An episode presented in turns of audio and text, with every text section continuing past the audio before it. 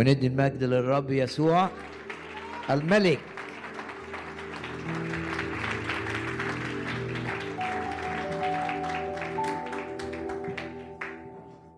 ملك الملوك ورب الأرباب حاضر في وسطنا. هل تؤمن أن الرب حاضر في الوسط؟ عظم الرب معك.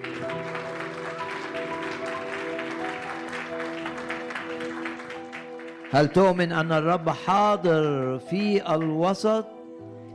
اهتف للرب معي وقول هاليلويا هاليلويا هاليلويا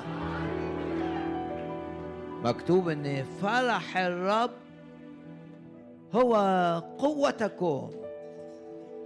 أنت قوي لما تبقى فرحان بالرب. أنت قوي جدا لما تعظم الرب وتهتف للرب. لو في أسوار قدامك تهتف وتسقط الأسوار. نعظم الرب مرة كمان.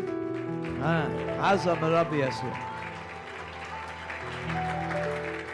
أنت قوي افرح بالرب ليزداد لتزداد قوتك. افرح بالرب واهتف للرب وقول هاليلويا هاليلويا هاليلويا يعظم انتصارنا بالذي أحبنا.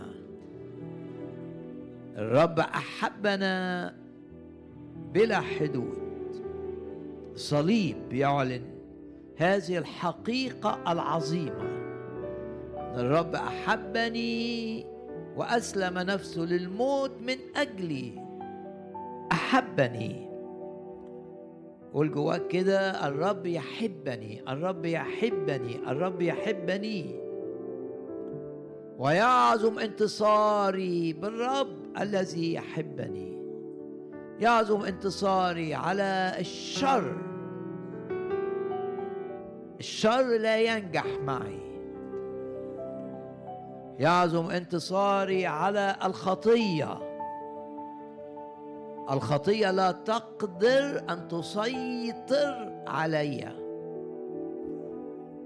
ورسالة روميا تقول كده الخطية لن تسودكم لن تسيطر عليكم.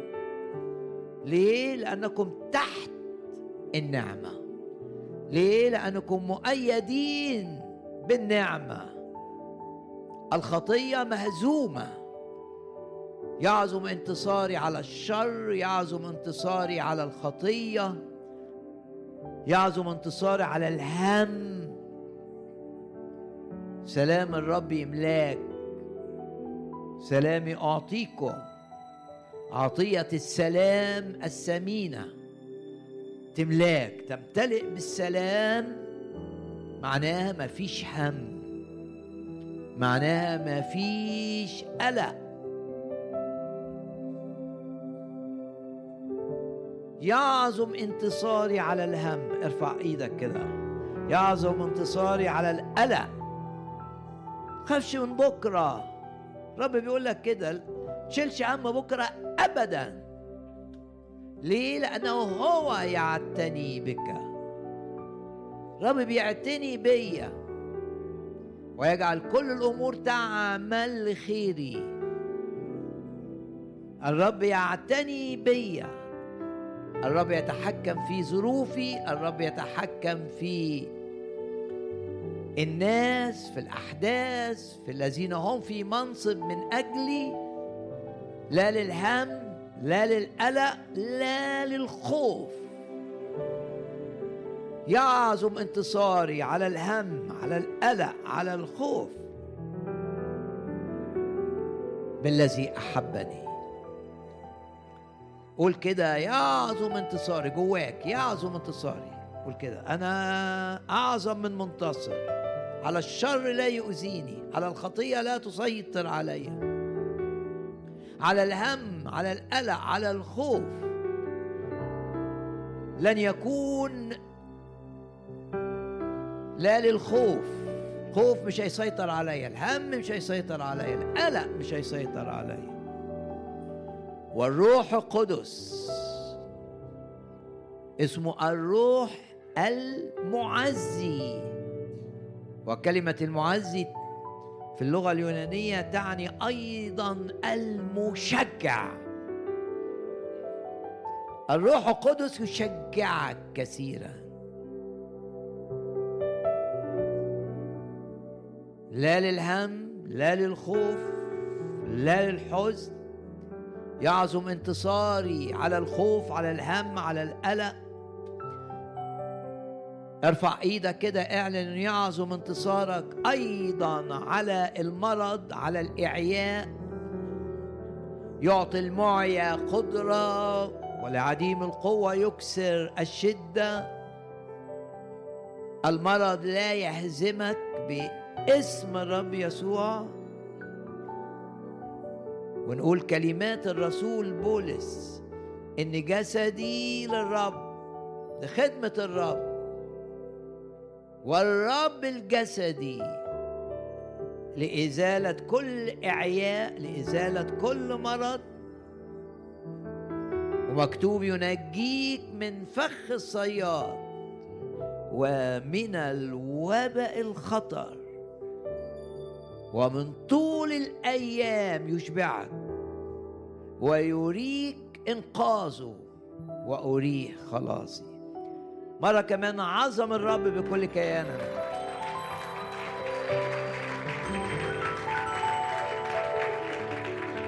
عظم الرب الذي جعلك أعظم من منتصر. على إبليس يعظم انتصاري على الشر يعظم انتصاري على المرض يعظم انتصاري على الهم على الخوف على الحزن يعظم يعظم يعظم انتصار.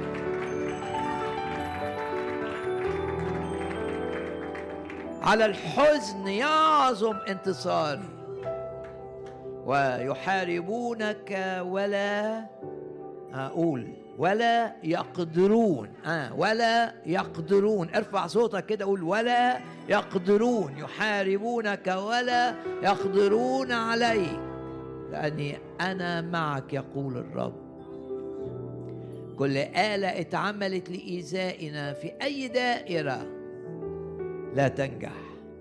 وكل خطط بشرية أو خطط شيطانية لإيذائنا بلغة سفر أشعياء لا تقوم لا تكون.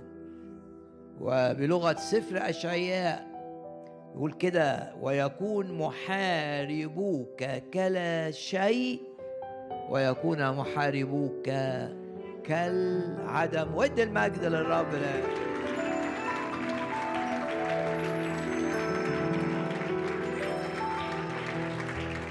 قول هللويا هللويا هللويا من مثلنا شعب منصور منصور منصور بالرب قولوا هللويا هللويا ولما بنقول هللويا الأرواح الشريرة بترتجف مرعوبة أرواح المرض تهرب أرواح الغي تهرب. أرواح الخصام تهرب. الأرواح اللي ورا الشكايات والاتهامات تهرب. تبتعد بعيدا بعيدا بعيدا. قول هللويا كم مرة كمان. ارعب مملكة إبليس. هللويا. هللويا. هللويا.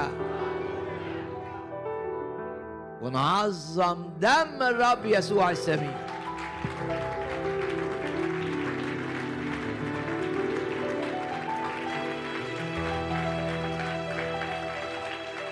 هللويا نؤمن بالدم نؤمن بالدم هللويا وهم غلبوه بدم الخروف وهم غلبوه بدم الخروف. إحنا أقوياء جدا بسبب إيماننا بالدم. خطايانا كلها مغفورة بسبب الدم. مقدسين مكرسين للرب بسبب الدم. لنا امتيازات العهد الجديد الامتيازات العظيمة.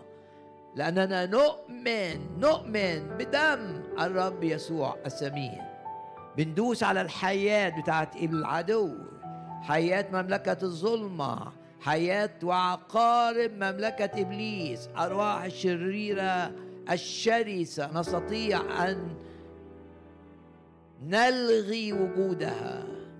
نستطيع أن نوقف نشاطها بسبب إيماننا بالدم. نعظم مرة كمان دم الرب يسوع السميع.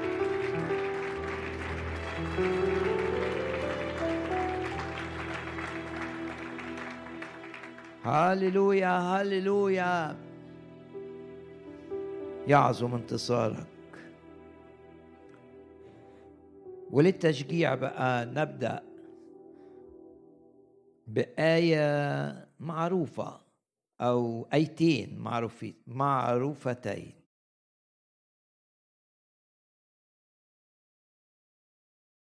الآية الأولى في إنجيل يوحنا. قول كده الرب هيلمسني الرب هيكلمني العظة ممسوحة بالروح. تمتلئ باسم الرب يسوع بفيض ضخم من كلام النبوة وكلام العلم وكلام الحكمة وفيض من الجدد إلى جانب العتقاء. وأنا هنا أو بتابع الاجتماع سواء كنت هنا أو تتابع الاجتماع عبر الإنترنت قول كده الرب هيكلمني الرب هيلمسني. نعم يا رب ليكن حضورك واضحا ملموسا بوضوح أمام مع كل شخص ليكن حضورك ملموسا بوضوح مع كل شخص هنا وكل شخص يتابع هذا الاجتماع ويستمع إلى هذه العظة عبر الإنترنت. لازم نصدق إن الرب بيغيرنا. لأن تبقى مصدق انك انت مع الرب بتتغير.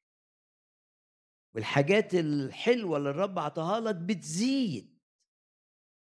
والأمور السيئة بتقل إلى أن تنتهي. لازم تصدق إن أنت مع الرب إيمانك بيقوى. محبتك للرب للكلمة للناس بتزيد. لازم تصدق إنك أنت مع الرب في الارتفاع. والوعد وتكون في الارتفاع فقط. والبركات تزداد في حياتنا. باسم الرب يسوع. ونختبر دائما أمطار البركة. والرب يسدد كل احتياجاتك ايا كانت. نرفع ايدينا كده نعلن ايماننا ان الرب يتحكم في كل الأمور لكي يسدد كل احتياجاتنا زي ما قال بولس للمؤمنين في فيليبي بحسب غناه في المجد. يعني الرب يسدد احتياجك بمجد حسب غناه في المجد. بولس قال لهم كده فيملأ إلهي اللي أنا اختبرته إلهي يعني اللي أنا عارفه. باسم الرب يسوع يبقى عندنا اختبارات حقيقية في علاقتنا مع الرب. ولما نتكلم زي بولس كده بنتكلم بأمور اختبرناها. فهو قبل ما يقول الآية دي قال قد امتلأت. يعني الرب سدد كل احتياجاتي. وبعدين قال فيملأ إلهي عشان هو اختبر. الروح القدس قال له اللي انت اختبرته كان في ظروف صعبة لكن اختبرت كيف يسدد الرب احتياجك بغنى وبمجد.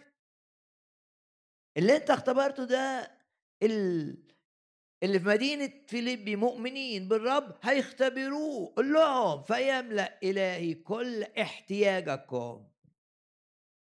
كل يعني كل.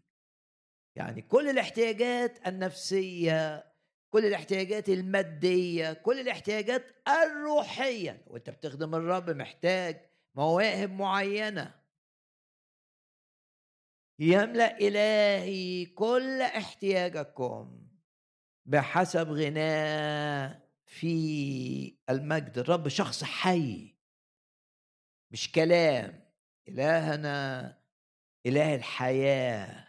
شوف يوحنا يقول إيه؟ الذي لمسته أيدينا. اختبرنا يعني. حاجة اختبرناها. مش بنكلم الناس من كتب قريناها. لا بنكلم الناس عن شخص نقدر نقول إني عالم بمن آمن بمن بمن امنت أنه قادر أن يحفظني قادر أن يحفظ وديعتي. بسلم نفسي وديعه للرب وأنا عارف أنه لن يهملني لحظة لن يتركني لحظة. متأكد أنه سيملأ كل احتياج لدي لي بحسب غناه في المجد. ونقرأ الآيتين. آية من إنجيل يوحنا الأصحاح الأول وهي آية معروفة. ومن ملئه نحن جميعا أخذنا جميعا. أوعى تستثني نفسك. ونعمة فوق نعمة.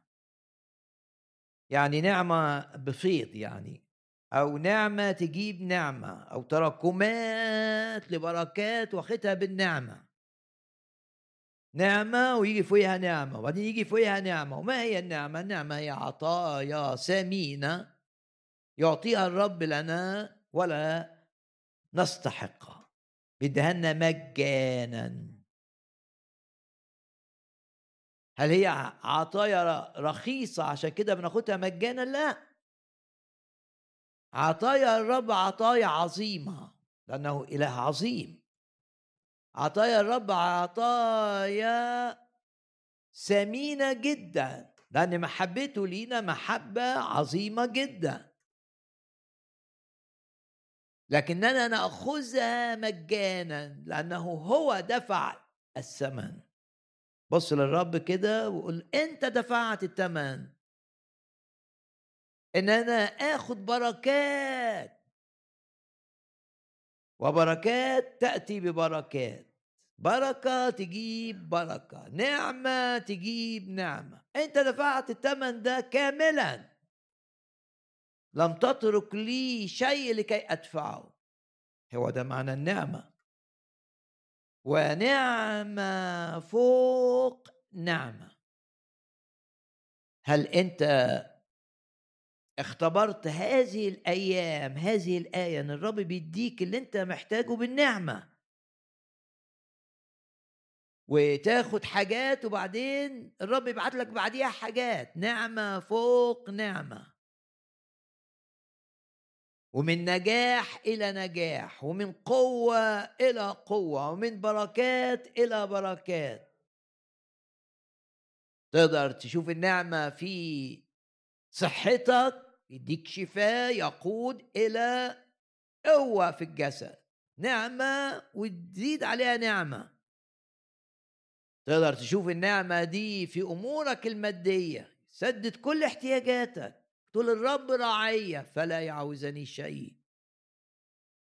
وكل يوم أختبر إيد الرب الممدودة ليا.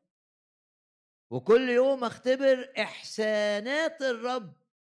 يقول لك كده إحسانات الرب أذكر. وكل يوم أختبر إن عندي احتياج وبعدين النعمة. أشوفها الرب بيسدد الاحتياج. ونعمة فوق نعمة. يعني لا اكتفاء. وإذا كان الرب بيباركك هذه الأيام تأكد إن النعمة تيجي وراها نعمة. بكرة هيباركك أكتر.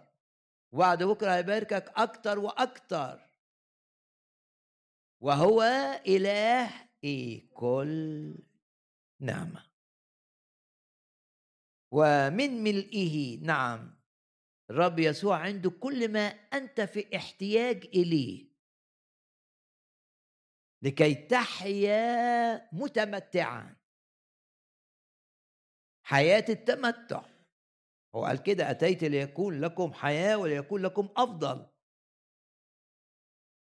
والجملة معناه إن يديك حياة فيها فيض كل ما أنت في احتياج وعشان تعيش حياة فيها تمتع وتبقى مرفوع وفرحان وتصحى من النوم مبتهج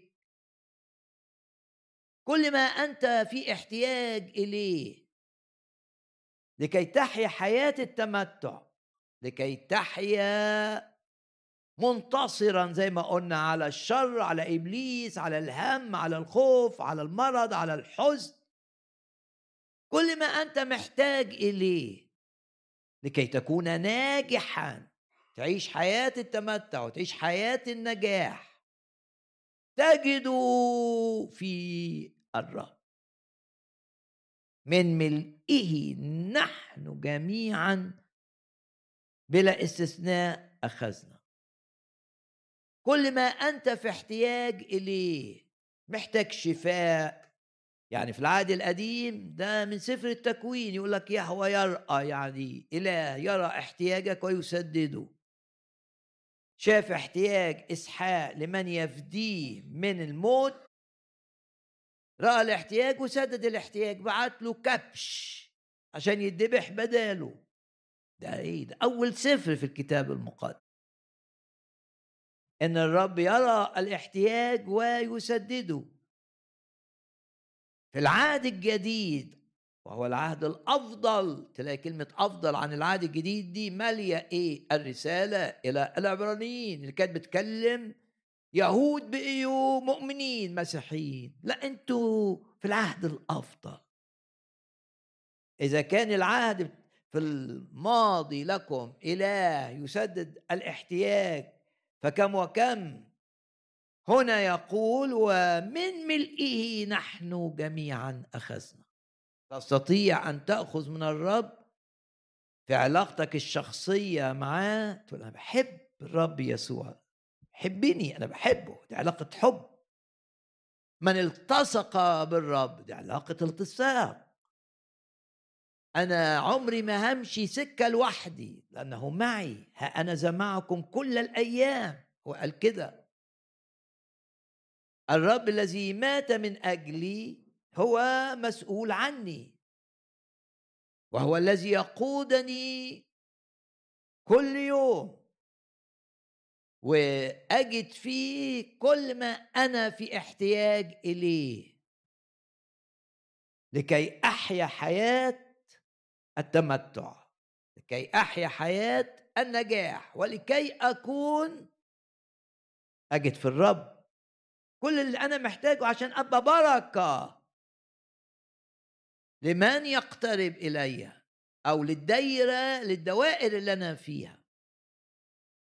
آه. تاخد من الرب فتبقى بركة لاولادك تبقى بركة لعيلتك. تاخد من الرب فتبقى بركة للناس المؤمنين اللي بيصلوا معاك. تاخد من الرب فتبقى بركة للكنيسة التي تنتمي إليها. تكون بركة. أباركك مش دي, دي آية عظيمة جدا. الرب يباركني. يقول لك اللي شجعني وعزاني في مرحلة صعبة مريت بيها.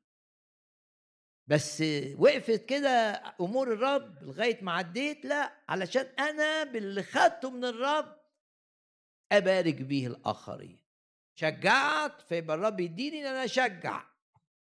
اتعزيت فالرب يديني إن أنا أعزي. الرب رفع معنوياتي علشان أنا كمان أرفع معنويات آخرين. ده اللي قاله بولس ببساطة إنه تبارك وبقي بركه في الأصح الأول من رسالة رسالته إلى كنيسة كورنثوس الثانية الرسالة الثانية.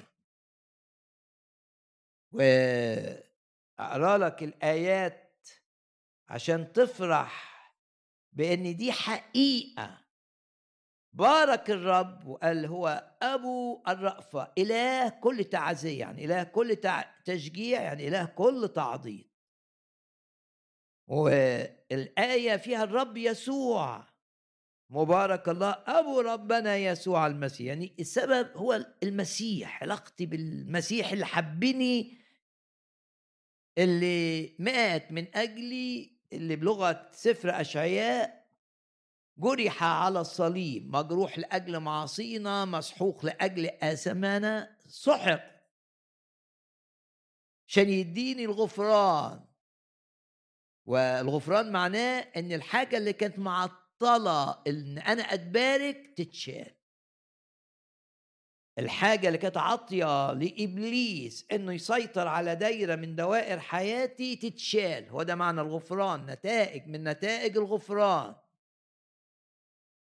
الخطية غير المغفورة لو أنا مش واثق إن الرب سامحني ده معناه إن الشيطان يطمع فيا. أن الحاجة اللي عضت الشيطان الحق هي الخطية.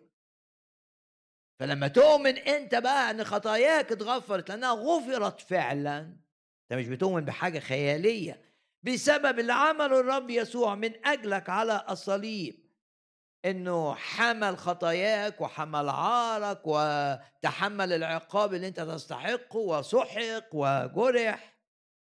تؤمن بده إن خطاياك اتغفرت. الحاجة اللي معطله البركة تقع تنتهي. والحاجة اللي عاطية لإبليس إنه يتحكم في أمر من أمورك ينتهي الحاجة دي تنتهي بالغفران. ودي النعمة اللي بتجيب نعمة نعمة إن أنا أبقى ضميري دائما مستريح ما عنديش ضمير خطايا دايما يفكرني عملت كذا وعملت كذا ما خلاص الخطايا لم تحسب عليا. طوبى للرجل لا يحسب له الرب خطية. ليه؟ لأن الخطايا بتاعتي اتحسبت على الرب يسوع وهو معلق على الصليب من أجلي. إيمان بالإعلانات الإلهية العظيمة. فإيماني دي بقى ده نعمة نعمة الغفران. نعمة فوق نعمة نعمة الغفران دي تدي لك بقى بعديها نعمة الحماية. ملائكة تحرسك تحفظك أينما سرت. نعمة الغفران ونعمة الحماية تدي لك بعد نتيجة لكده نعمة النجاح. كل ما تفعله تنجح فيه. ونعمة ونعمة النجاح تدي لك نعمة كمان العطاء. العطاء نعمة في الكتاب المقدس. تبقى قادر إنك تدي دي نعمة. ليه؟ لأن العطاء لما بيبقى جواك من الرب يديك فرح. تساعد حد وتكون المساعدة دي من الرب تفرح. مساعدة مالية مساعدة نفسية مساعدة روحية. هنا يقول مبارك الله أبو ربنا يسوع المسيح إلى كل تعزية. تعزية هنا تشجيع الكلمة في اليوناني تعني تشجيع تعضيد تعزية ثلاث حاجات. أي حد حزين كده يفتكر حاجة روحه تنقبض تعال للرب خد النعمة دي. نعمة إيه؟ نعمة الفرح. نعمة مجانية. إلى كل تعزية. الذي يعزينا يعني الذي يشجعنا الذي يعضدنا والذي يعزينا. ثلاث معاني. في كل أمور صعبة في كل ضيقتنا يقول لك حتى نستطيع أن نعزي. آه يبقى شوف الرب بيديك عشان تبارك يديك تشجيع عشان تشجع يديك تعزية عشان تعرف تعزي. يرفع معنوياتك عشان ترفع معنويات الآخرين. حتى نستطيع أن نعزي الذين هم في إيه؟ في أي ضيقة. يقول لك في كل ضيقة. يبقى أباركك وتكون بركة. يا رب نشكرك لأنك أنت عايزنا نختبر نعمة إن إحنا بركة. وغمض عينك كده سواء كنت هنا أو بتسمع العظة دي عبر الإنترنت واسأل نفسك كنت مغمض عينك هل أنا بركة لعيلتي؟ هل أنا بركة لأصدقائي؟ هل أنا طب بعدين وأنت مغمض عينك قول له قول له يا رب اعمل نقلة في الدايرة دي. أريد المزيد. المزيد يعني رحيل كان عندها إيمان إن الرب كانت عاقر. وبعدين الرب صلت والرب اعطاها أن تكون حامل. وتنجب كان عندها بقى تطلع إن يوسف يجيب حد تاني. فأنجبت بنيامين. أنت كده لازم تبقى عايز تبقى بركة أكتر. لا اكتفاء وانت مغمض عينك قول له يا رب اعمل نقلة في دائرة العطاء. اعمل نقلة لكي أكون بركة أكثر واحد لعائلتي. اثنين لمجموعة المؤمنين التي أشاركها وتشاركني وأصلي معها وتصلي معي. أكون بركة للمكان الروحي الذي أنتمي إليه وبعدين أبقى بركة بقى لبلدي بكل تأكيد. رب عايزنا بركة ملح الأرض تنور العالم. لو عندك شغل تبقى بركة للناس اللي بيشتغلوا معاك. الرب يديك نعمة ويجوا يسألوك وإجاباتك تنقذهم. مش عشان أنت أذكى واحد لا عشان أنت مؤيد من السماء. لا نستطيع أن نساعد الناس بذكائنا. الذكاء له حدود في المساعدة. وقد ننخدع ولكن بكل تأكيد قول كده جواك بكل تأكيد بكل تأكيد تأكيد أقدر أساعد وأقدر أبقى بركة لعيلتي وأصحابي واللي بيشتغلوا معايا في الشغل بسبب علاقتي مع الرب بسبب الروح القدس الذي يسكن فيا. بسبب إيماني. أنني أبارك لكي أبارك. أبو الرأفة وإله كل تعزية. هو يشجعنا ويعزينا ويعضدنا عشان نشجع ونعزي ونعض. و وأنت مغمض عينك كده قول للرب وسع دايرة تأثيري. مش عايز أبقى عايش في نفسي كده ومنكمش. الرب عايزك تبقى منكمش كده ومحصور في نفسك وما عندكش غير أمورك. لا مغبوط والعطاء اطلع من ذاتك. بولس كان بيقول كده أنا أنفق. اعتقد الكلمة في اليوناني معناها ينفق ينفق ينفق ينفق.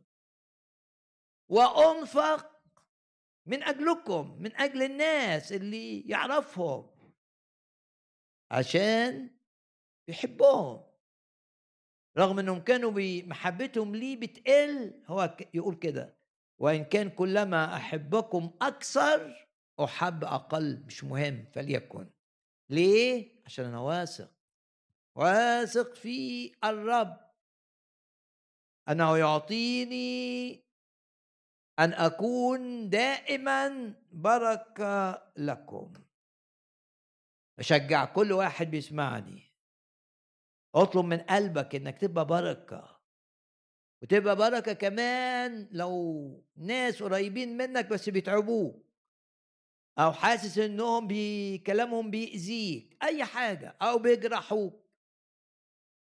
صلي من أجل أن تكون بركة لهؤلاء. الآية الثانية عن النعمة في من آه، رسالة يعقوب الأصحاح الرابع أشاور بس على الآية. يا رب نشكرك. يعطي نعمة أعظم. وفي السياق بتاع الآية دي تقدر تحس إن الرب بيدي نعمة أعظم عشان تنتصر على نعمة عطية مجانية. أعظم من القوة اللي ضدك.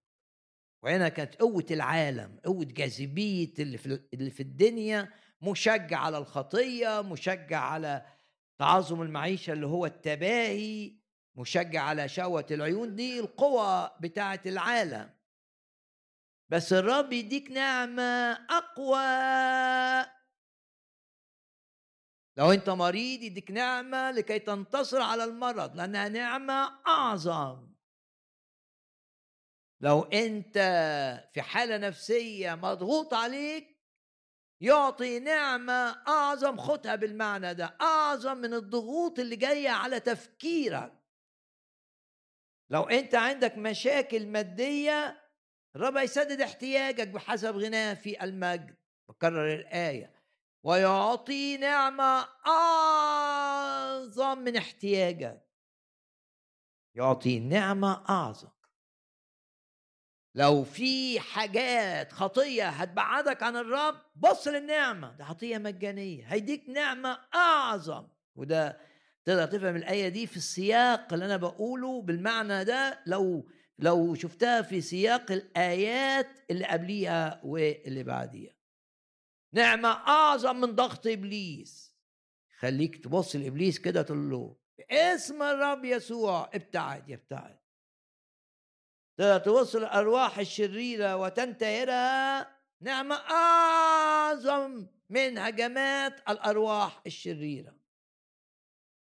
يعطي نعمة أعظم. عندنا آيتين. نعمة بتجيب نعمة أو نعمة بتفيض. نعمة فوق نعمة. والآية الثانية من يعقوب أربعة. يعطي نعمة أعظم من جاذبية الخطية فتنتصر على الخطية. أعظم من احتياجك فبيسدد احتياجك بفيض أعظم من الحزن اللي أنت متهاجم بيه فتلاقيه نفسك فرحان. أعظم من القلق والخوف اللي أنت فيه فتلاقي نفسك مليان سلام مطمئن. الرب عايزك مطمئن. لازم تطلع من الاجتماع مطمئن جدا. لماذا؟ لأن وثقت سلمت للرب أمورك. ووثقت فيه. أنه يعتني بك. وثقت وضعت ثقتك في الرب. قلت له أنت إله العظيم تقودني. تقودني خطوة خطوة. ومن قبلك تترتب زي ما بيقول الكتاب خطواتي. ومشورتك أيها الرب تثبت دائما في ذهني وفي قراراتي. تعطي نعمة أعظم. وبشجع كل واحد بيسمعني شوف إيه التحدي اللي قدامه الأيام دي أو إيه الحاجة اللي مخوفاه أو بتحاول تخوفه. إيه الحاجة اللي معكننة عليه؟ إيه الحاجة اللي مخلياه مضطرب يصحى مضطرب؟ وصدق إن الرب يعطي نعمة أعظم من الحاجة اللي ضدك. واطلع من الاجتماع واثق وبتفرح فرحان بالرب وبتقول الرب بالرب زي الترنيمة يعظم انتصاري وبالرب من مجد إلى مجد ومن الرب بالقوة من قوة إلى قوة. تبقى فرحان تقول الآن يرتفع رأسي على أعدائي من حولي. حتى لو كان العدو هم خوف حزن مرض أيا كان. بالرب يعظم انتصاري. نعمة فوق نعمة ونعمة أعظم من الاحتياج. بشجعك تشكر الرب بتقول له أشكرك تديني سلام وراحة وطمأنينة. وحط إيدك كده على رأسك كده عشان الرب يتحكم في أفكارك ولو في أفكار بتجيلك مزعجة لا تأتي. ولو في ذكريات متعبة لا تأتي. واللي عمله الرب مع يوسف يعمله معاك. أنساه. وعشان كده سمى ابنه البكر منسى. كلنا عارفين نسيان عشان يبقى الابن شاهد. حي... اسمه شاهد. شاهد بإيه؟ بإن الرب بيتحكم في التفكير. ويبعد عنك الأفكار اللي بتخليك مضطرب ومنزعج. ويخليك ما تحللش الأمور بطريقة مؤذية ليك. يعني في واحد يقعد يحلل الأمور كده فيطلع بنتيجة إن ده آه, آه، إن ده بيضايقه إن ده مش فاهمه إن ده مش حاسس بيه تحليله وقد يكون تحليله سليم منطقيا لكنه ليس سليم روحيا لأنه بيجيب له إزعاج لأن بيحرمه من الفرح. باسم الرب يسوع حط إيدك على راسك عشان الرب يتحكم في تفكيرك. فلا تنشغل بالأمور المؤذية لك أو انشغالك بها سيؤذي آخرين. وأشكرك يا رب من أجل منسى اللي بنختبره في حياتنا. حط إيدك مرة كمان على آه، راسك كده وإحنا دايما عندنا الإيمان إن الاجتماع ما هوش مجرد كلمة بتسمعها ده الروح القدس بيشتغل. زي ما بنقول حط إيدك على مكان المرض. آه حط إيدك على مكان المرض. اعلن شفاء الرب يسوع القوي. اعلن شفاء الرب يسوع القوي. بيقول أنا هو الرب شافيك مش دي آية في الكتاب بيقول يشفيك يسوع المسيح. صلاة الإيمان تشفي المريض. برضو أنت حاطط إيدك على ذهنك. تقول أشكرك يا رب لأنك بتشفي ذهني من الأفكار المتعبة من الأفكار المخيفة من الأفكار اللي بتضايق. حط إيدك كده على راسك كده وقول أشكرك لأنك بتنسيني كل حاجة. لما أتذكرها أتعب. كل حاجة بتجدد. تعب جوايا بتجدد غضب جوايا بتجدد خوف جوايا.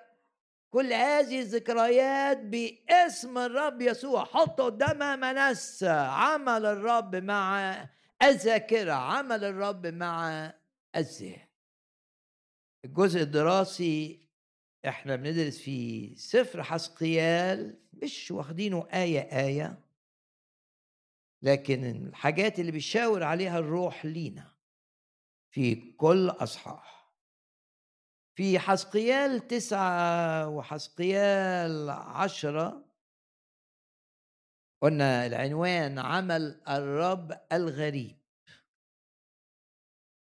أشعياء 28 بفكركم بال مدام بندرس بن أشعياء 28 واحفظ التعبير ده. ليفعل فعله. ده اشعياء 28 وآية 21 فعله الغريب.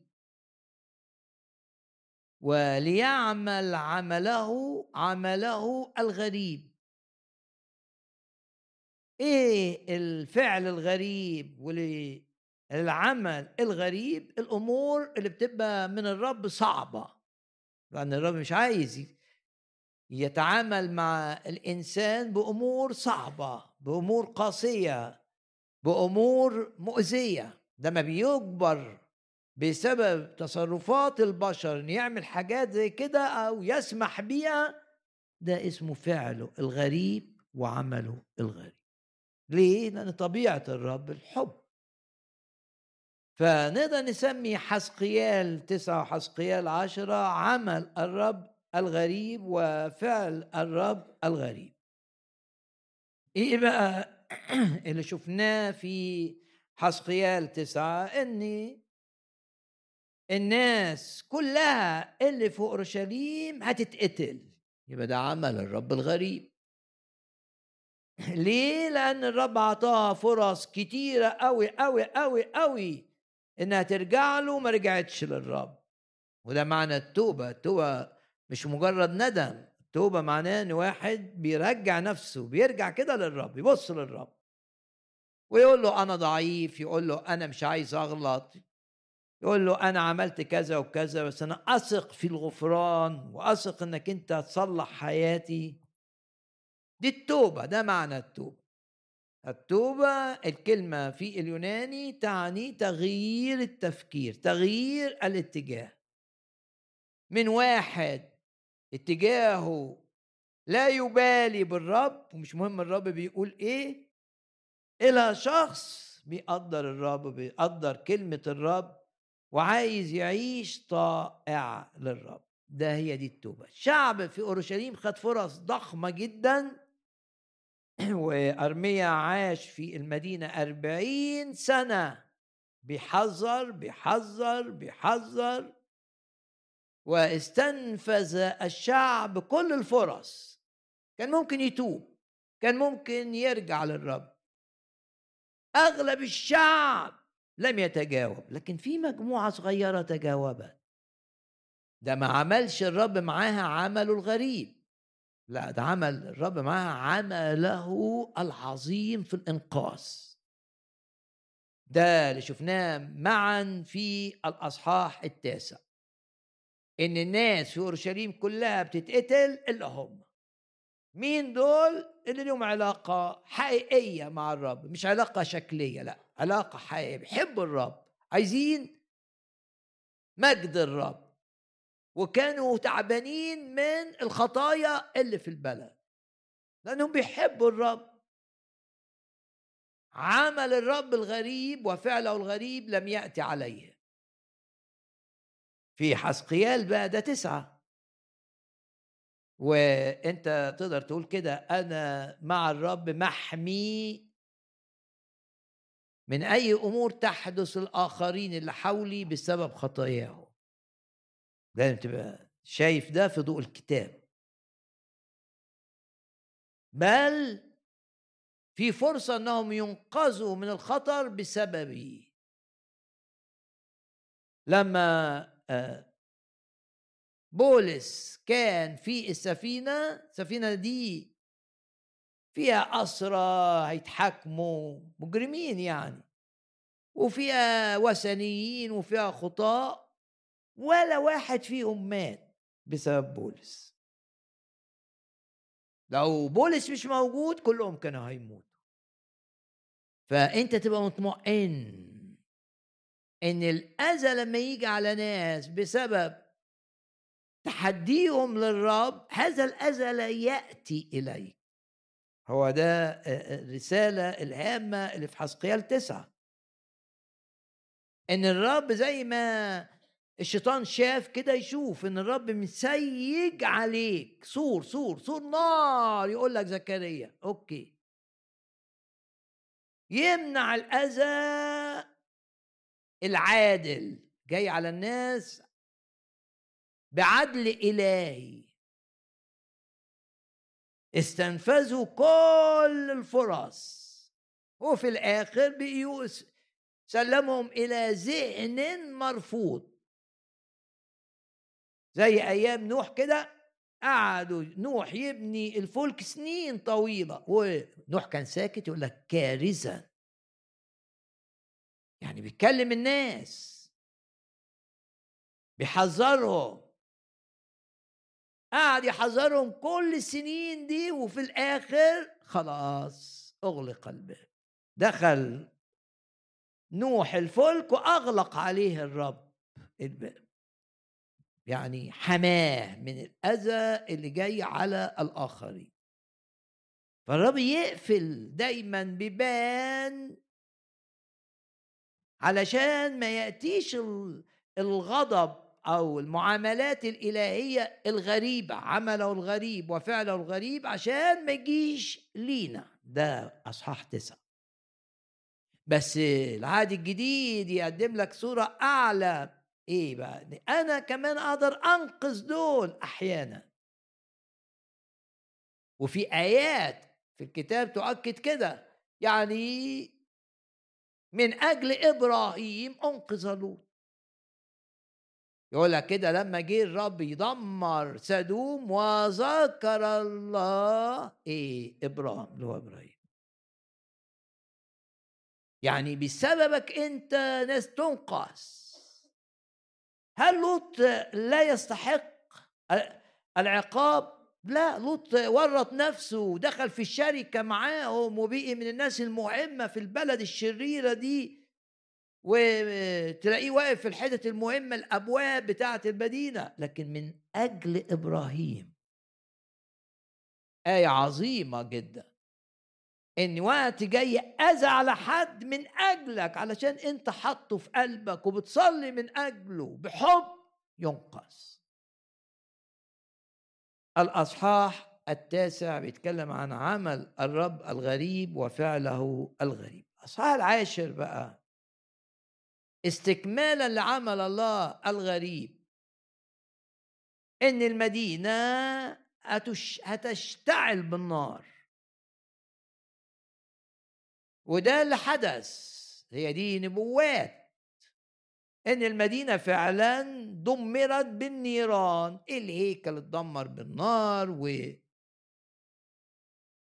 قصر الملك اتدمر بالنار وبيوت الأغنياء اتدمرت. كله اتحرق بالنار.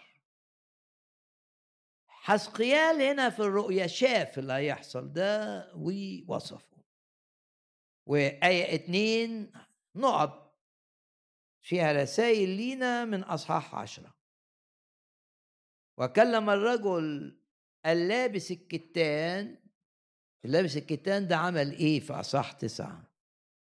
ولابس الكتان يعني في كاهن يعني واخد دور كاهن يعني الكتان ده ثياب الكهنه يعني دوره زي الكاهن في العهد القديم كده بيتشفع وبيبارك الناس وبيعلمهم.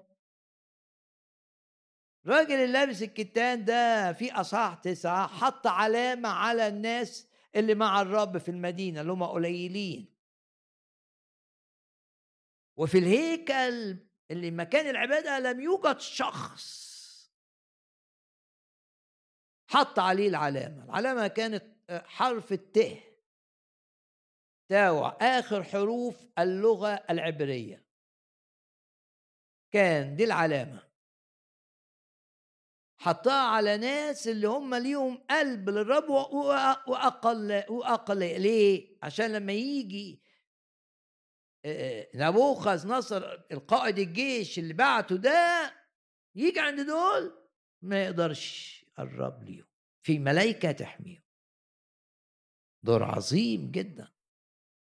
كان معاه قلم ومعاه آلات الكتابة ويقول الكتاب هنا رب قال للراجل اللي لابس الكتان ده في الرؤيا سم سمة علامة على جباه الرجال اللي قلبهم معايا. والتعليمات للستة اللي مع الراجل ده اللي هيدمروا المدينة ده طبعا آه، معنى كده إيه؟ إن الجيش بتاع البابليين بتاع نبوخذ نصر ده اللي بيتحكم فيه فعلا مش نبوخذ نصر الستة دول. يعني السماء بتتحكم في كل حاجة على الأرض.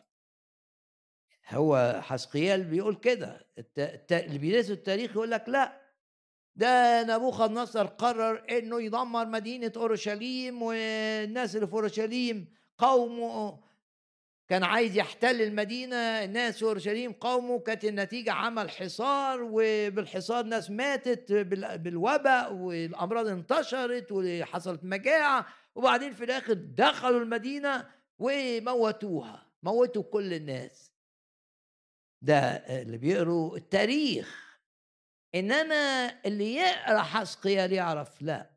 يعرف إن كان بيحرك كل ده الرب من خلال الملائكة الست ملائكة دول. واللي حمى المجموعة دي اللي كانت مع الرب من الهلاك اللي جاي على المدينة بسبب خطاياه اللي حماهم الرب العلامة. في حسقيال عشرة بقى. وكلم الرجل اللابس الكتان. يبقى لابس الكتان ده هنا في أصحاح تسعة بيعمل إيه؟ بيتسبب في حماية المؤمنين الحقيقيين. ارفع إيدك كده واعلن إيمانك إن الرب يستخدم الملائكة لحمايتك. ولإفساد خطط أعدائك. من تؤمن بكده. تقول يا رب أشكرك لأنك أنت بتبني فيا إيمان بعمل الملائكة في منع إيذاء جاي إنه ما يجيش ليا. زي ما قال إليك لا يقرب. الإيذاء جاي على اللي حواليك آه ممكن تبقى في بلد مليانة أمور مؤذية. وأنت بتؤمن بأن الرب يستخدم الملائكة لكي يحميك من هذا الإيذاء. وتلاقي جوه قلبك تأكيد بكده. مش معلومات في ذهنك لا ده الروح بيملاك بيقين إن اللي في أصحاح تسعة ده يخصك وإن فعلا هيبقى هتتحط في في مواقف تلاقي فيها ناس بتتأذي وأنت تنقذ عشان عليك العلامة علامة الدم. نفس الراجل اللي لابس الكتان اللي كان في أصحاح تسعة بيستخدم لحماية المؤمنين الحقيقيين. بيستخدم هنا في أصح عشرة لأمر آخر مختلف تماما. وكلم الرجل اللابس الكتان وقال ادخل بين ما شاف بقى عرش الرب المتحرك ده اللي فوق أربعة كروب شفنا ده في الأصحاح الأول والرب فوقيه فوقيه. الرب بيقول للراجل اللابس الكتان إيه ادخل بين شفنا الكروبيم دول الأربعة كل واحد عنده عجلة عشان لما بيتحرك على الأرض. واملأ حفنتيك يعني يفرد ايديك كده إيه جمر نار من بين الكروبيم. واملأ حفنتيك جمر نار من بين الكروبيم. وفي آية ستة وكان لما أمر الرجل اللابس الكتان قائلا خذ. يعني الرب نارا من بين البكرات من بين الكروبيم أطعم أنه دخل ووقف ومد كروب يده إلى النار ووضعها في حفنتي اللابس الكتان فأخذها وخرج. دي رؤية لها معاني أكيد. يعني الكروب تحت الأجنحة في إيدين. أيدي تحت الأجنحة. ما لو أنت بقى خادم للرب تقول ما آه ما دول بيمثلوا الخدام. يبقى في حماية للحاجات اللي بعملها من الرب. إن الإيد تحت الجناحين. يذكر الكتاب هذا الأمر. وإن الإيدين مستخبية لأن أعمال الرب بتبدأ في الخفاء تبدأ بينك وبين الرب في الأوضة اللي بتصلي فيها. وبعدين تظهر. ايد بتطلع من حتة مستخبية فيها وبتشتغل. والايد دي عملت إيه؟ خدت النار وملت بالنار جمر. النار ملت بيه ايدين الراجل اللي لابس الكتان ده. بإيه؟ في ايديه نار. املأ حفنتيك جمر نار. وزرها يعني النار ده ارميه كده رش رش رش رشه على المدينة. هعمل آه، مدام بندرس هعمل مقارنة بين الآية دي حسقيال عشرة وآية من سفر الخروج. أصحاح 24 إحنا عملنا مقارنة في الأسبوع الماضي. إن ده خد النار بالإيدين. إنما الملاك ما ده ملاك اللي لابس الكتان. الصاروفيم ده خد النار بملقاط. وقلت ليه؟ ليه هنا ما فيش ملقاط؟ قلت ممكن دي تبقى إشارة ليا إن الرب في عمله إنه يطهر خد جمر نار ولمس بيها شفتي النبي أشعية. لأنه قال له أنا نجس الشفتين بس خد النار ده الجمرة دي إيه؟ بملقاط بملقاط عشان عايز يعظم العمل. إيه الرب عايز يطهرك تماما. مش يغسلك بس ويزيل آثار أي اتساخ جه عليك. ليس تنظيفا فقط زي واحد بيغسل رداء. لا تطهير زي واحد بيطهر جرح.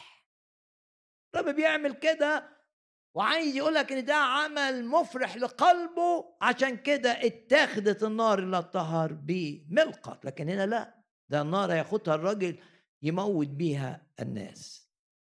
مفيش ملقط نعمل المقارنة الثانية. رش نار على الشعب يقابله في سفر الخروج أصحاح 24 رش الدم على الشعب و تسمعني كده بقرأ لك من سفر الخروج اني ذبحوا يقول كده الكتاب أصعدوا محرقات وذبحوا ذبائح من السيران.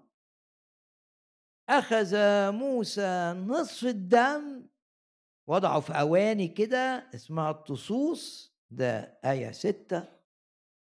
وأخذ موسى الدم في آية 8 ورش على الشعب دم اترش على الشعب وهنا نار اترشت على الشعب لما يترش الدم يمنع النار اللي جاية تؤذي من الرب أن تؤذي.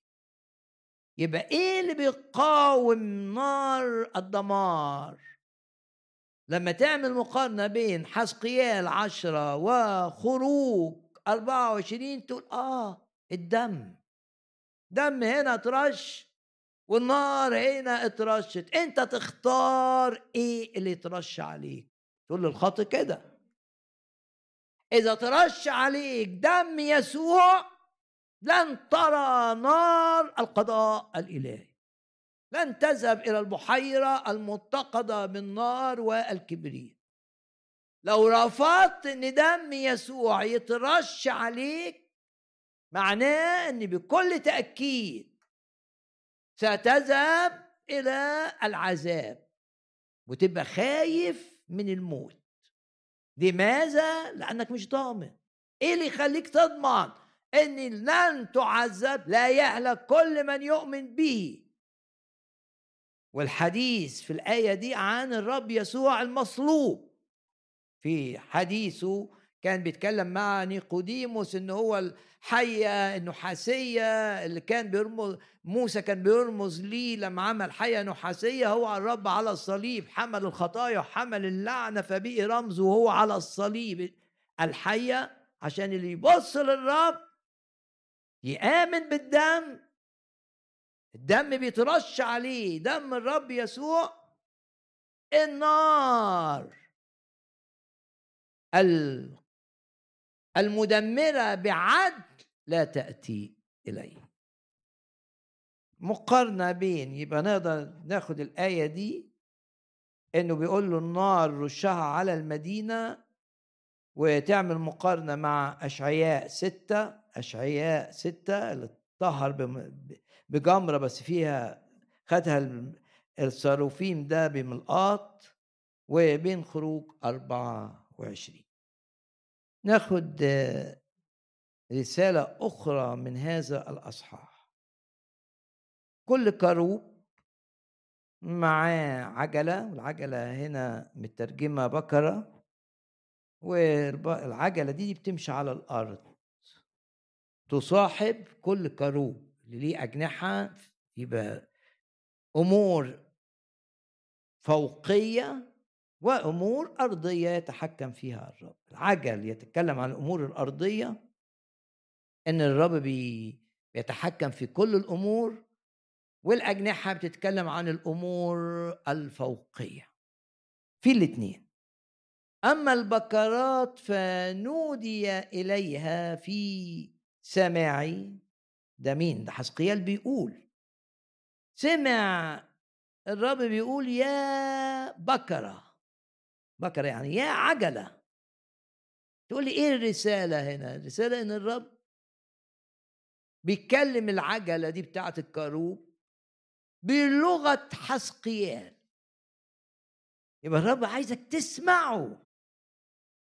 يبقى الرب عايزك تفهم أموره. يبقى بكل تأكيد تستطيع أن تسمع صوت الرب لأنه مش بيحقدك. مش هيكلمك بطريقة ما تعرفش تفهمها.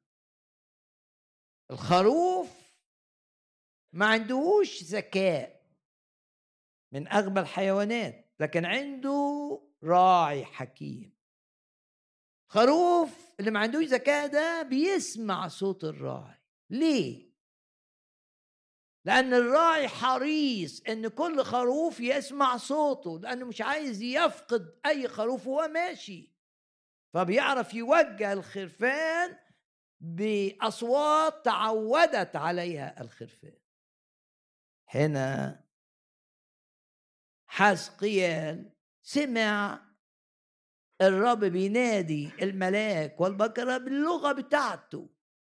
بتاعت حزقيال آه إلهك ليس إله تعجيز. وما عندكش لازم يبقاش عندك مشكلة في معرفة مشيئة الرب. ليه؟ لأنك تثق إن الرب هيكلمك بكل وضوح وهو مسؤول إنك تفهم ماذا يريده منك. لغة تفهمها. زي بالظبط انت اتعودت انك تسمع واحد بيتكلم في التليفون اول ما تسمع صوت تعرف ان هو فلان. آه مع الرب كده. الرب عودك كيف يكلمك وكيف يحميك من الانخداع والتشويش. هو المسؤول. طب وليه سمع حسقيال كده؟ عشان يقول له أنا زي ما بستخدم العجلة دي هستخدمك أنت كمان. وأنادي عليك. يا رب نشكرك لأنك أنت قائدنا العظيم الذي تنادي لنا كما في هذا الأصحاح ناديت العجلة وقلت لها يا عجلة. يعني أنت تقدر تشيل كلمة بكرة تحط عجلة؟ لا. تشيل كلمة بكرة تحط اسمك. تحط اسمك. الرب هيكلمك. يقول لك اعمل كذا. سيب ده روح هنا. اتحرك يمين اتحرك شمال. وزي ما تأملنا معا في منظر الكروبيم. اللي عنده أربع عجلات دول كل عجلة فيها عجلة جوه عجلة. تقول لي ليه هنا عجلة جوه عجلة؟ لماذا؟ يقول لك بكرة وسط بكرة. بيكررها هنا في أصحاح عشرة وآية رقم عشرة. بكرة جوه بكرة عجلة جوه عجلة. يعني عجلة في الاتجاه ده وعجلة فيها بس في الاتجاه العمودي. ليه؟ عشان المركبة عايزة تمشي كده أوكي عايزة تمشي عمودي مش محتاجة تلف. تلاقي نفسها وقفت العجلة دي ومشت العجلة دي. يقول لك لن تدر عند سيرها. طب إيه الرب عايز يقول لنا إيه؟ لا إضاعة للوقت. لما الرب ينقلك من طريق إلى طريق. من عمل إلى عمل من خدمة إلى خدمة مفيش تضييع وقت. زي البكر ده الأربعة دول ماشيين كده عشان ما يقعدوش يدوروا ويضيعوا وقت العجل التاني يشتغل فيمشي كده عايزين يمشوا في أي اتجاه بدون دوران. دوران يعني وقت. لا لا إضاعة للوقت ما دام الرب يقودك. فيش وقت هيضيع. وينقلك الرب من طريق إلى طريق لأنه يريد أن يستخدمك كما يشاء هو وليس كما تشاء أنت. طيب الكروبيم عبارة عن إيه؟ يقول لك كل واحد أربعة أوجه. وشفنا ده في حسقيال واحد. طيب إيه اللي هيحصل هنا؟ الراجل خلاص هياخد النار دي و... وهيرميها على مدينة أورشليم. ده نبوة لمدينة أورشليم ستحرق بالنار. بس بقى الحديث بقى عن المركبة الإلهية والحضور الإلهي بنشوفه في أصحاح عشرة ويقول كده ده نفس المنظر ده أشعية ده حسقيال بيقول هنا الذي رأيته في وقال عنه في حسقيال واحد عند نهر خابور. وبعدين ابتدى يقول إن كان ساعتها آه، بصوا كده معايا ما دام بندرس حسقيال واحد. كان بيسميها شبه أربعة حيوانات. أو كائنات حية يعني. هنا في حسقيال عشرة عرف إنهم كروبيم ما سماهمش كروبيم في الأصح الأول. اللي هو كل واحد فيهم ليه أربع وشوش واللي هم شايلين المركبة الإلهية واللي كل واحد فيهم عنده عجلة أو بكرة وبكرة جوه بكرة. في حسقيال واحد ما نعرفش مين هم أساميهم إيه؟ في حسقيال عشرة على طول إعلان إن دول هم الكروبين. طب إيه إيه الرسالة؟ إن الرب يقودك في المعرفة الروحية. كل شوية يوضح لك أمور. في أول ظهور لحسقيال أول ظهور للرب لحسقيال ما عرفش إن دول الكروبين. الرؤية نفس المركبة جت هنا في أصحاح عشرة وتعرف ده من آخر الأصحاح يقول لك كده علمت أنها هي اللي ظهرت لي قبل كده. شكل وجوهها وشكل الوجوه التي رأيتها عند نهر خابور ده الأصح الأول. بس كانش يعرف إن دول الكروبين بس ابتدى الروح يفهمه دول المرسومين على بالحفر على الجدران بتاعت الهيكل. دول اللي شكلهم معمول على البيبان الضلع في البيبان بتاعت الهيكل. دول اللي جوه شكلهم أو رمز ليهم أو تعبير عنهم موجود في قدس الأقداس. اتنين كبار قوي كده منهم واحد جناحتهم لامسة بعض ولامسين الحيطة من هنا من الحيطة من هنا ودول اللي رمزهم برضو أو تمثال ليهم اتنين فوق تابوت العهد إيه ده؟ الروح القدس بقى ابتدى يخليه يربط بين حاجة وحاجة عشان يكتب ويقول في الأصحاح العاشر إن دول هم الكاروبين. غمض عينك كده لأن إحنا يهمنا الرسائل الروحية. الرسالة الروحية الأولى إن الدم دائما يحميك من عقاب الله بسبب الخطية. لو في نار جاية على أورشليم في دم اترش على الشعب. وفي علامة اتحطت على الناس لن تؤذى بالنار ولن تؤذى بالسيف. رسالة عظيمة جدا. الرسالة الثانية. إني أعمالك إيديك محمية بأجنحة. وما كانش شايف الإيدين لكن شاف الإيدين طالعه بتعوت الأربعة كروبيم دي من تحت الأجنحة. ويحط شعار ليه كده إيد تحت جناح. جناح بيتكلم عن السرعة. رب بيكلفك تعمل حاجة فبتعملها مفيش إعاقات من إبليس. لا تعوقوني. الرب قد أنجح طريق. مفيش إعاقات. آه عندي إيد بس عندي جناح كمان. جناح بيتكلم عن السرعة وإيد بتتكلم عن العمل. والاتنين مع بعض. وإيد تحت جناح. يعني أتحرك في الحتة الصح علشان أعمل اللي الرب عايزه مني. جناح الإيد تحت الجناح يبقى الأولوية لإيه؟ للحركة. تعمل الحاجة الصح فين؟ في الحتة اللي الرب يقول لك عليها مش في أي حتة. وتخدم مين؟ الناس اللي شاور عليهم الرب. وتشتغل فين؟ في الحتة اللي الرب يحركك إليها. اذا الجناح قبل الإيد. فظهر في الكروبين بعد ما ظهرت الأجنحة شبه يد إنسان من تحت أجنحة. تأمل آخر. أن المعرفة الروحية بتزداد.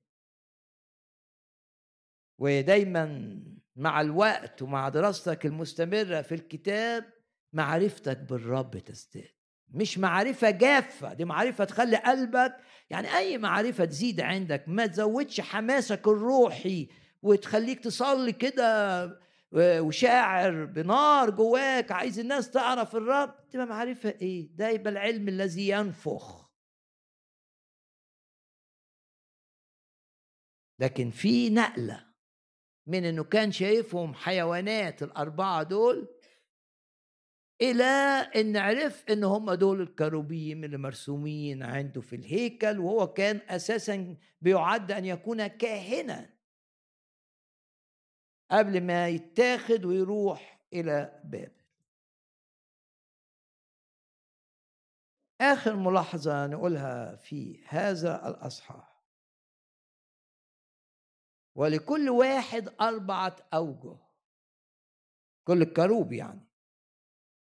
الوجه الأول وجه كروب الوجه الثاني وجه إنسان الثالث وجه أسد الرابع وجه نسر. الأسد بيتكلم عن الرب القوي. النسر بيتكلم عن الرب المتحرك ولا يستطيع أحد أن يعطل حركته ويرتفع ده النسر. والإنسان ده بيتكلم عن العقل الرب يميز الأمور ويحكم ويقود. بس لما تعمل مقارنة بين حسقيال واحد وحسقيال عشرة تلاقي حاجة تثير الانتباه. إن في إصحاح واحد في وجه صور.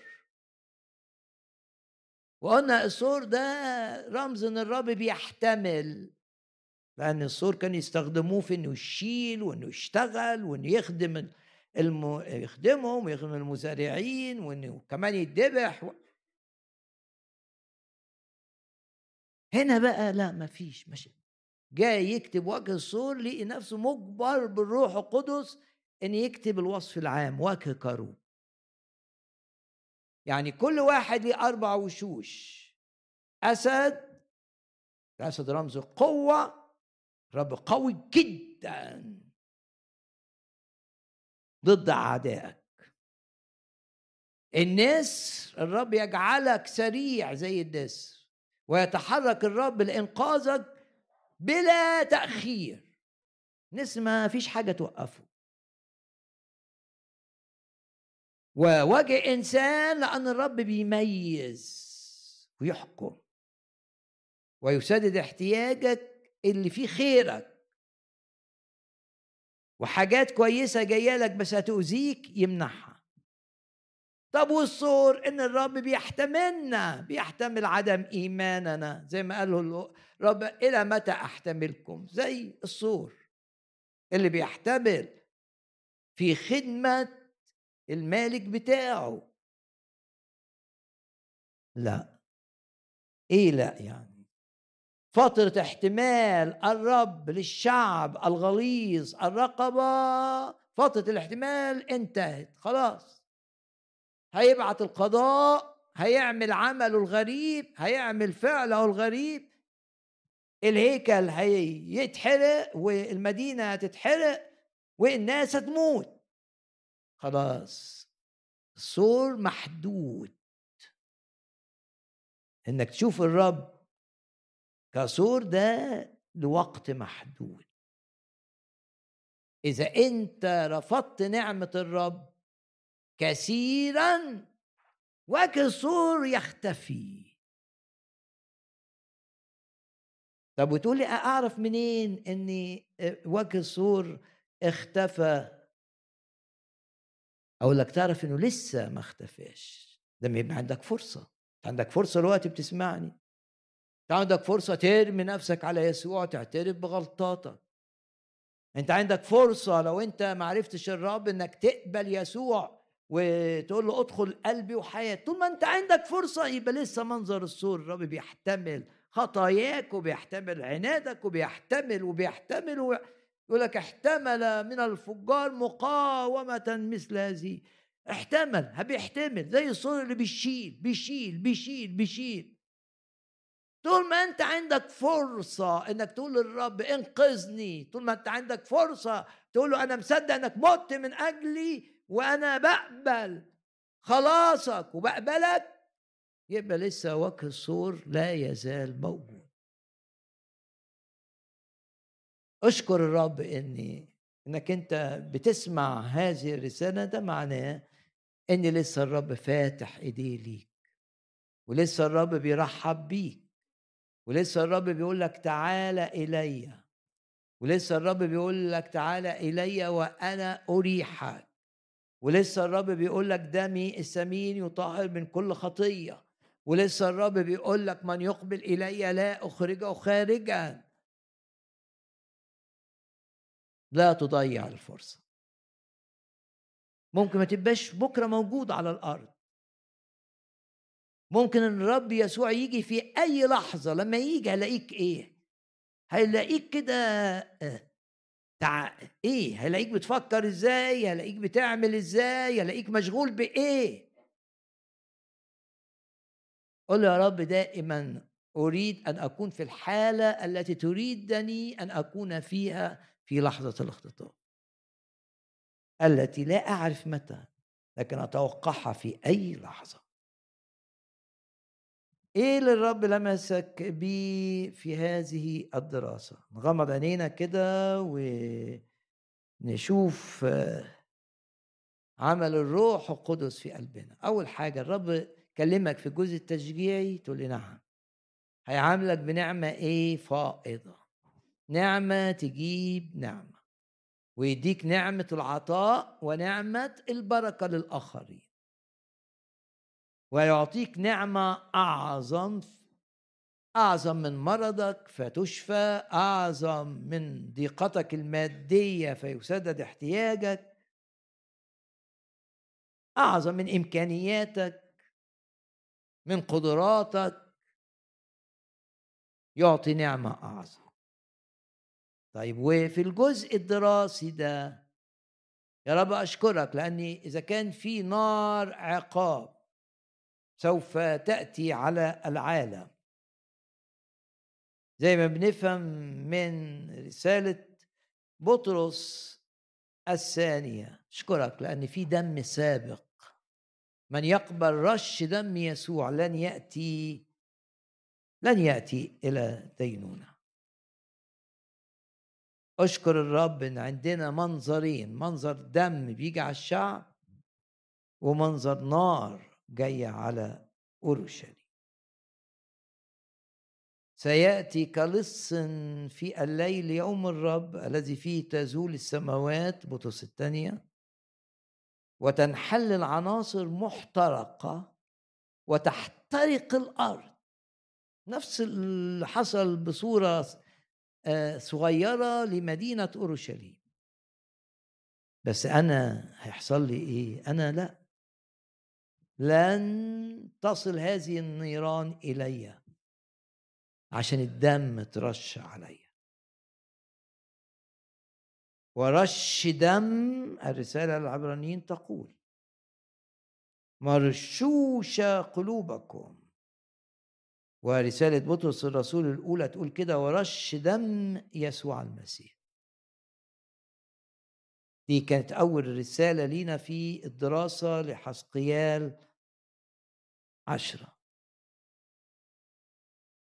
الرسالة الثانية أن الرب يستخدمك كما يريد. استخدم اللابس الكتان مرة في بركة للناس ومرة في قضاء للناس. الرب يستخدمك كما يشاء هو وليس كما تشاء أنت. عشان قلنا في مقارنة بين بين دوره في أصحاح تسعة ودوره في أصحاح عشر. هنا دوره حماية وهنا دوره إيذاء. وأنت سيب نفسك الرب يستخدمك كما يشاء هو. لإيذاء إبليس وللمساهمة في حماية المولودين الولادة الثانية. الرسالة الثالثة رسائل كتير. إن الإيد كانت تحت الجناح. أحتاج أن أتحرك قبل أن أعمل. أحتاج أن أكون في المكان الذي يريده الرب لي. ومع الناس الذي يريدني الرب وسطهم. إيدي تتحرك بس الجناح يكون حركني. الاثنين مربوطين ببعض والتعبير جميل يد تحت جناح. الدرس اللي بعديه. بكرة وسط بكرة يعني عجلة جوه عجلة علشان مفيش وقت يضيع في الدوران. من سكة لسكة نعم. هبقى سلس في إيد الرب كده.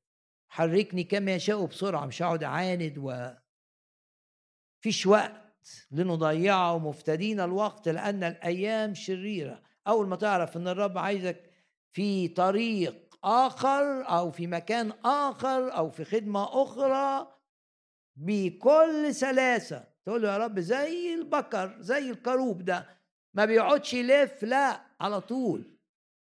بينتقل من اتجاه لاتجاه لأنه عنده بكرتين جوا بعض. عنده عجلتين جوا بعض. الدرس اللي بعد كده دروس كثيرة لنا. أن الرب يتكلم بلغة نفهمها. وعشان كده نادى البقرة يا بكرة يا عجلة. آه انت عايز عايز يقول لي حسقيل العجلة دي رغم إن فيها القدرة على الحركة لن تتحرك إلا بصوتي. وأنت قول للرب كده لا تسمح أن أتحرك إلا بقيادة واضحة منك. وأشكرك لأن قيادتك ليا واضحة.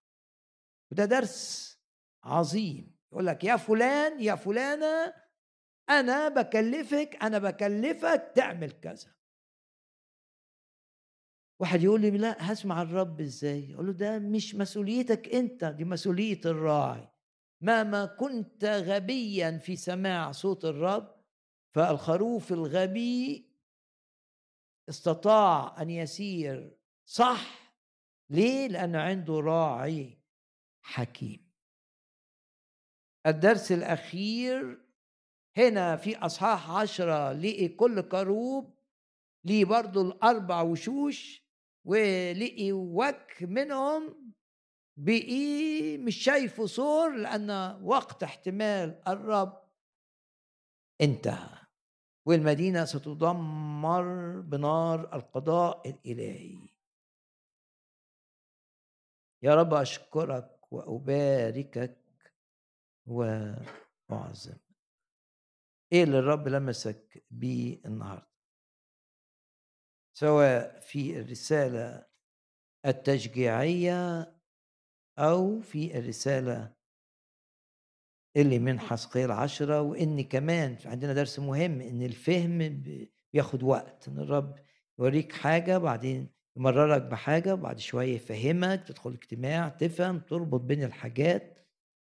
الرب عمل كده مع سقيال وخلاه يفهم إن اللي شايفه ده هو نفسه اللي موجود رموز ليه أو تماثيل ليه أو حفر ليه في الهيكل.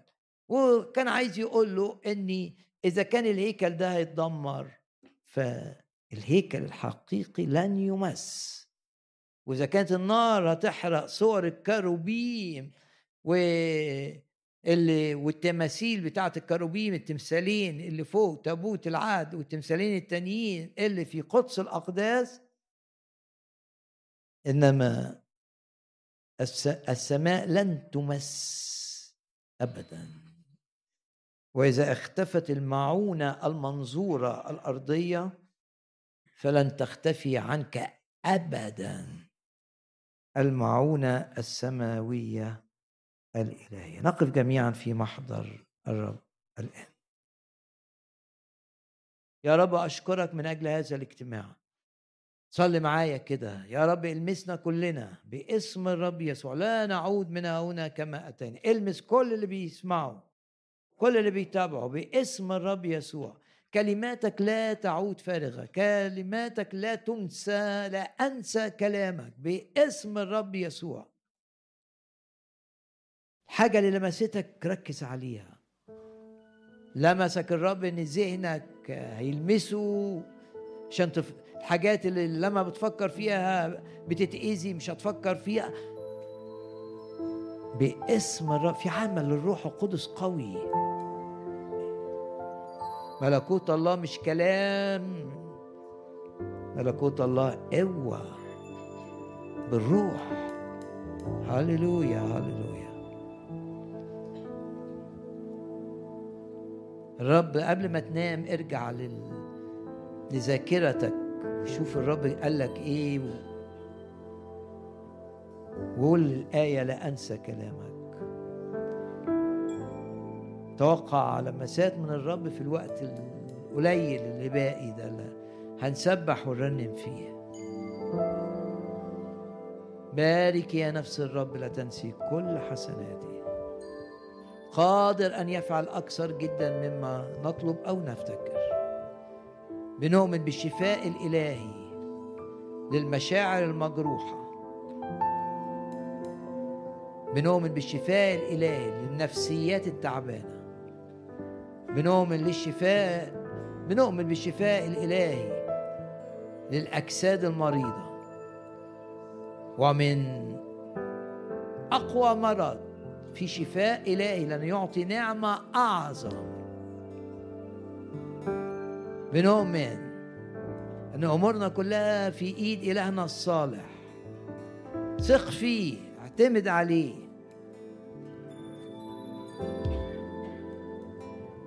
سيقودك يقول لك إلى مياه الراحة يوردني. تستريح من الهم من الخوف. طلبنا أراحنا من كل جهة. يا رب ابعت راحة. شيل الهم شيل الخوف شيل الحزن. أنت اله التشجيع أنت اله التعضيد أنت اله التعزية أنت الاله اللي تباركني عشان ابارك غيري. هللويا. عايزين يا رب نبقى في مشيئتك هذه الأيام. كل طرقنا تسهل كل طرقنا اللي من إيدك أنت. تقفل بيبان وتفتح بيبان عشان نتمتع بيك عشان نعيش حياة التمتع. فيك يا رب يسوع كل ما نحتاجه لكي نعيش حياة المجد لكي نعيش حياة التمتع لكي نعيش حياة النجاح. ونعلن إيماننا. لكل آلة اتعملت لإيذائي لا تنجح. كل خطة شيطانية لا تقوم لا تكون.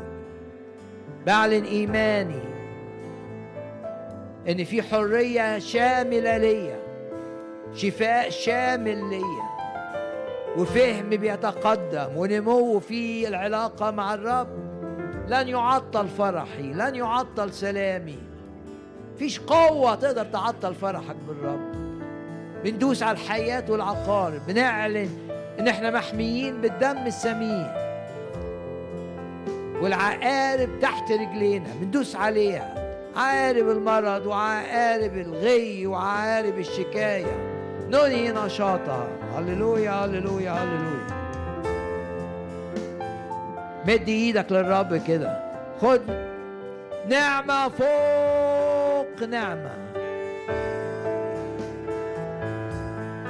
وأبواب تتفتح لمجد الرب في حياتك. ركز على الرب شوف الرب هتمشي فوق المية مش هتغرق.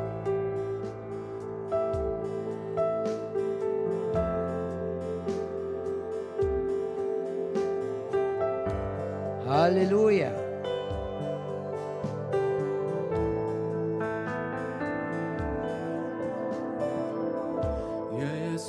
يسوع بنورك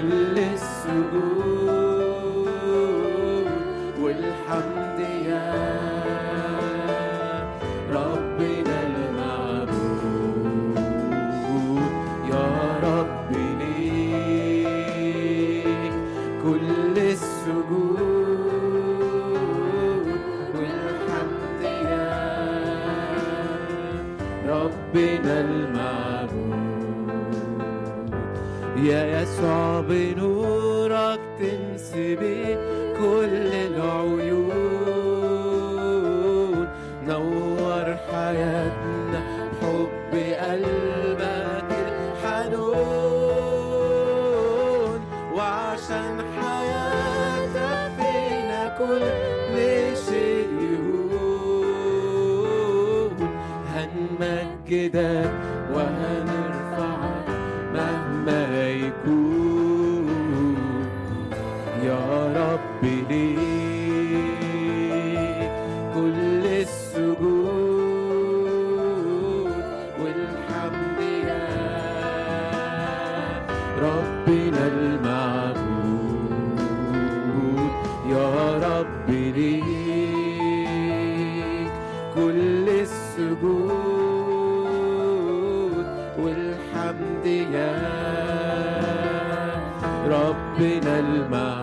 نفوسنا تتعلم.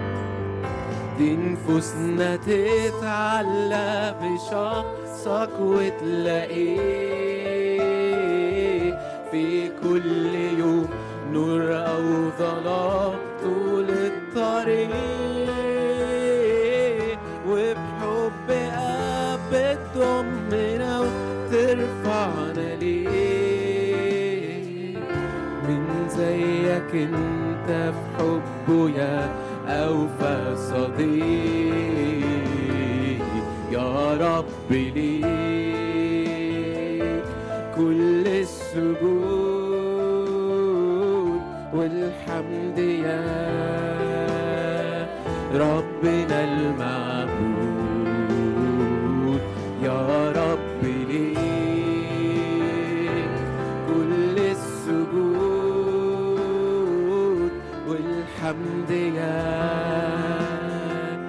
ربنا المعبود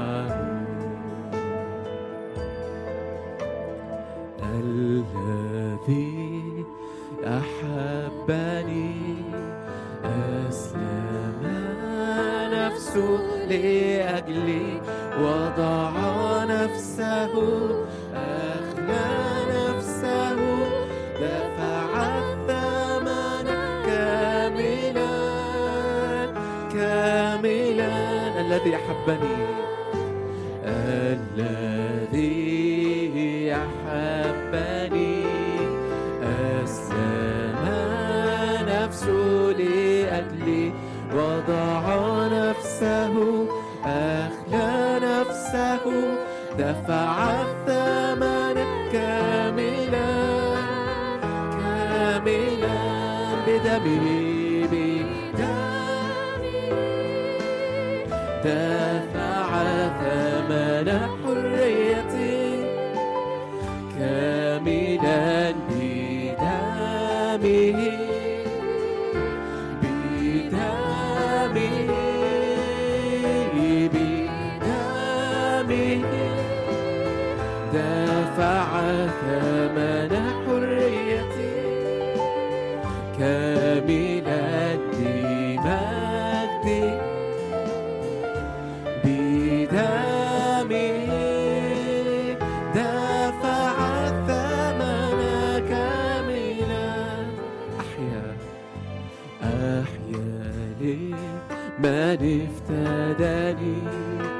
دافعا دم نفسه ها أنا ملكه أسير حبه ليسوع سعيد خاضعا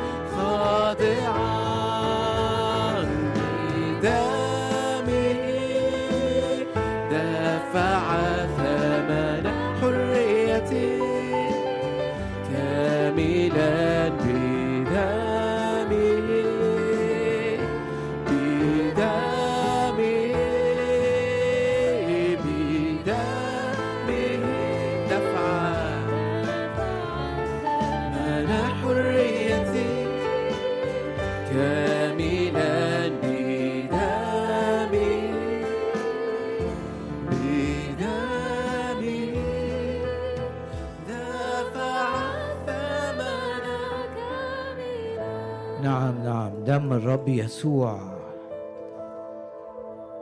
رش على الباب. قفل سكة إبليس لإيذائنا. يا رب نشكرك لأنك تسير أمامنا والهضاب تمهد تقفل بيبان تفتح بيبان عشان نبقى في مشيئتك. تحفظنا من كل شر. مكتوب وإن شربوا شيئا مميتا لا يضرهم. نشكرك نباركك نعظمك. تسدد كل احتياجاتنا. الرب راعية وتعمل معنا أكثر جدا مما نطلب أو نفتكر. تتحكم في كل ظروفنا. بلا استثناء نرى فيها يدك الممدودة بالخير لنا. وتجعل كل ما يحدث لخيرنا ولمجدك. نشكرك نباركك نعظمك. تسير أمامنا وعدك. أنا أسير قدامك والهضاب أمهد. أشكرك أباركك واعظمك وترسل الزنابير التي تأتي على أعدائنا وتخلصنا منهم أمامنا. مكتوب قد ابت من أمامك الاموري أبت أصول وجذوره من تحت وفروعه من فوق. هللويا هللويا هللويا. تتحكم في كل الذين هم في منصب من أجلنا. وتباركنا نعمة فوق نعمة للتمتع للنجاح للمجد لنبارك كثيرين. تستخدمنا مفتدين الوقت. تباركنا في المؤتمر القادم. تمسح العظات تمسح التسبيح تمسح كل فترات العبادة كل فترات وضع اليد. منك وبك ولك ولمجدك. هللويا هللويا. ارفع إيدك معايا واعلن ان كل خطط ابليس ضدك تكون كالعدم. كل خطط ابليس ضدنا تكون كالعدم. تكون كلا شيء ويريحك الرب من كل من كل جهة. يا رب أشكرك. تجدد كالنسر شبابنا وتكمل عدد أيامنا وتفدي من الحفرة حياتنا وتحفظ تحفظنا في خروجنا ودخولنا. ودائما نرى أنفسنا أمام عرش النعمة. الرب يسوع يشفع لنا.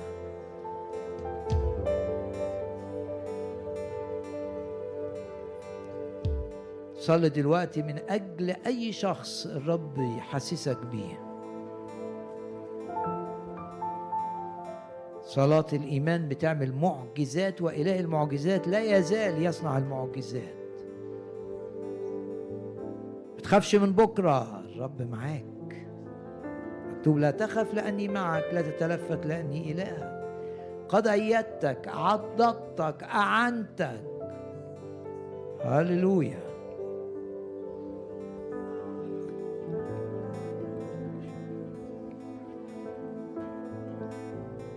ويحفظك الرب في مشيئته نافعا له ومثمرا والثمر يزيد من 30 ل 60 ل 100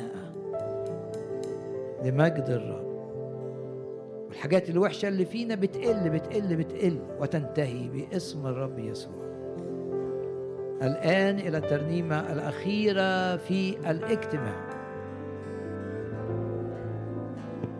الرب هو الملك القدير. الرب هو الملك القدير. سيسمع صوته بسلطان كلماته. الرب هو الملك القدير. الرب هو الملك القدير. الرب هو الملك القدير. سيسمع صوته بسلطان كلماته. الرب هو الملك القدير سيفتح سيفتح عيون العميان. كذلك ستسمع الأذان. سيقفز الأعراض وسيطفر كالإيان ستنطق الألسنة بالتسبيح. الرب هو الملك الرب هو الملك القدير سيسمع صوته بسلطان كلماته. الرب هو الملك القدير سيفتح عيون سيفتح عيون العميان. كذلك ستسمع الأذان. سيقفز الأعراض وسيطفر كالإيان. ستنطق الألسنة بالتسبيح. الرب هو الملك القدير. الرب هو الملك القدير. سيسمع صوته بسلطان كلماته الرب هو الملك القدير. الرب هو الملك هو الملك. الرب هو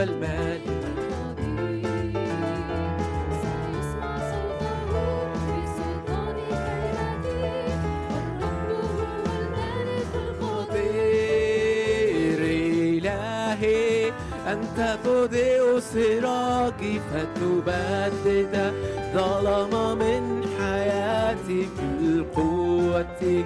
أنت تمنطقني وتثبت ربي.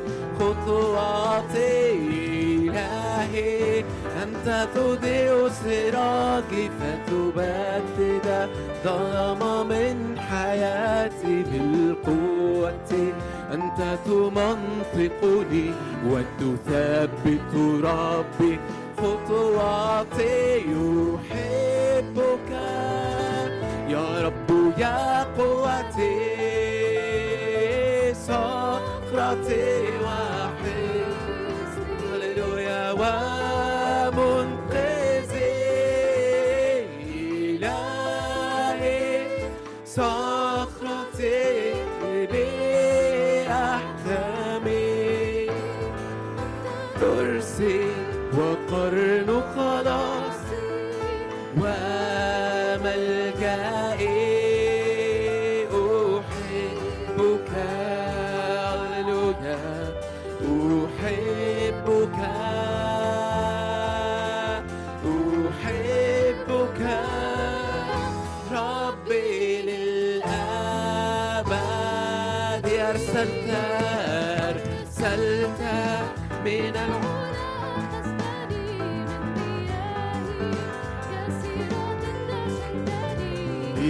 إلى الرحب أخرجتني أسندتني لأنك سررت بي. خلصتني أرسلت من العلا خستني من مياه كثيرة نشلتني إلى الرحب أخرجتني أسندتني لأنك سررت بي. خلصتني يا رب يا قوتي صخرتي